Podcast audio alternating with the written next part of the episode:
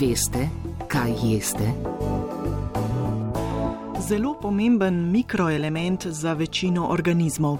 Tako docent dr. Rok Farlan, magistr farmacije iz Fakultete za farmacijo Univerze v Ljubljani, opiše molibden. Njegovo ime pa izhaja iz dejstva, da je zelo podoben svincu. Namreč v grščini molibdos pomeni podoben svincu. Zdaj, odkrili so ga sredi 18. stoletja in takrat tudi izolirali in poimenovali. Je pa to element, ki v zemlji ni preveč um, zastopan, se pravi, ga najdemo v majhnih količinah, drugače je pa v morski vodi. V morski vodi je pa dejansko to prehodni element, ki je nekako najbolje zastopan. Tako da v zemlji je recimo samo približno en miligram do miligram pa pol na kilogram zemlje, kar je predvsem malo. V človeškem telesu pa mineral najdemo v mnogo encimih. Molibden je torej pomemben element za njihovo delovanje. Predvsem so to encimi, ki sodelujejo pri metabolizmu aminokislin z žveplom in pa pri metabolizmu sečne kisline. In zaradi tega ta mikroelement prispeva k nekako k normalnemu metabolizmu po eni strani, po drugi strani prispeva k normalnemu delovanju celic in pa k rasti celic.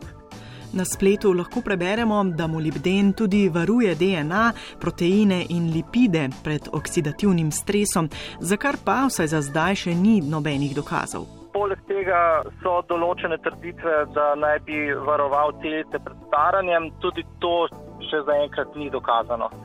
Molibden je sicer še eden od mineralov, pri katerem uživanje prehranskih dodatkov ni smiselno. Potrebujemo ga malo, za zadostno preskrbo zadostuje uravnotežena prehrana. Približno 65 mikrogramov eh, na dan. Zdaj, glede tega, dolgo časa so bile različne številke, vsaka država je imela neka svoja priporočila.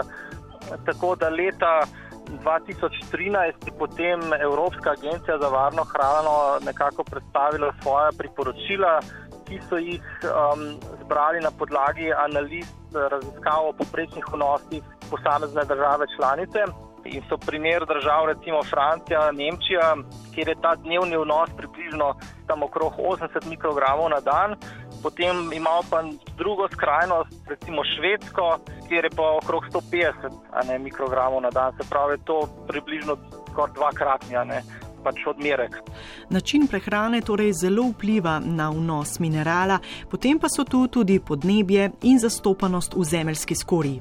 Tudi odvisno je, ja, kje določene rastline rastejo, v kakšni zemlji, je to kisla, je bazična zemlja. Vse to vpliva na to, eh, koliko rastline prevzamejo tega molibdena in ga potem uporabljajo pri svojem pač normalnem življenju, če tako rečem. 65 mikrogramov na dan v povprečju je torej količina, ko do pomankanja molibdena še ne prihaja. Kar je malo, zato tudi v našem okolju s premajhnimi vnosi nimamo težav, razen v primerih parenteralne prehrane. Zmešano in raznoliko prehrano dnevnim potrebam torej večinoma povsem zadostimo. V bistvu prisoten je skoraj v vseh živilih, Zdaj, bolj natančno, če rečem, je pa tako, da predvsem um, nadzemni deli tročnic, žitaric, tukaj je recimo veliko, potem, če grem na živalsko uh, hrano, recimo dro, drobovina, ga je tudi uh, veliko notri. Tako da tukaj nekako velja, da če zaužijemo recimo tako nekje, recimo 100 gramov uh, riža, že pokrijemo uh, vse potrebe po, po temu mineralu, tako da ga dejansko ne rabimo, kakšne večje količine. Toksičnost molibdena zaradi prevelike koncentracije nastopi zelo redko. Recimo, če zaužijemo tako 10 do 20 krat eh, višjo uh, količino, kot je ta pač priporočen odmerek, tam pa imamo lahko težave. Oziroma, so znani primeri, ko je prišlo do zastrupitev poznan je primer um, nekega bodybuilderja, pač, ki je vnašal molibden z prehranskimi dodatki in je prišlo do zastrupitve. No. V 18 dneh je zaužil kar 13 mg in pol molibdena oziroma med 300 in 800 mikrogrami na dan. Razvil je akutno psihozo s halucinacijami, krči in drugimi nevrološkimi simptomi.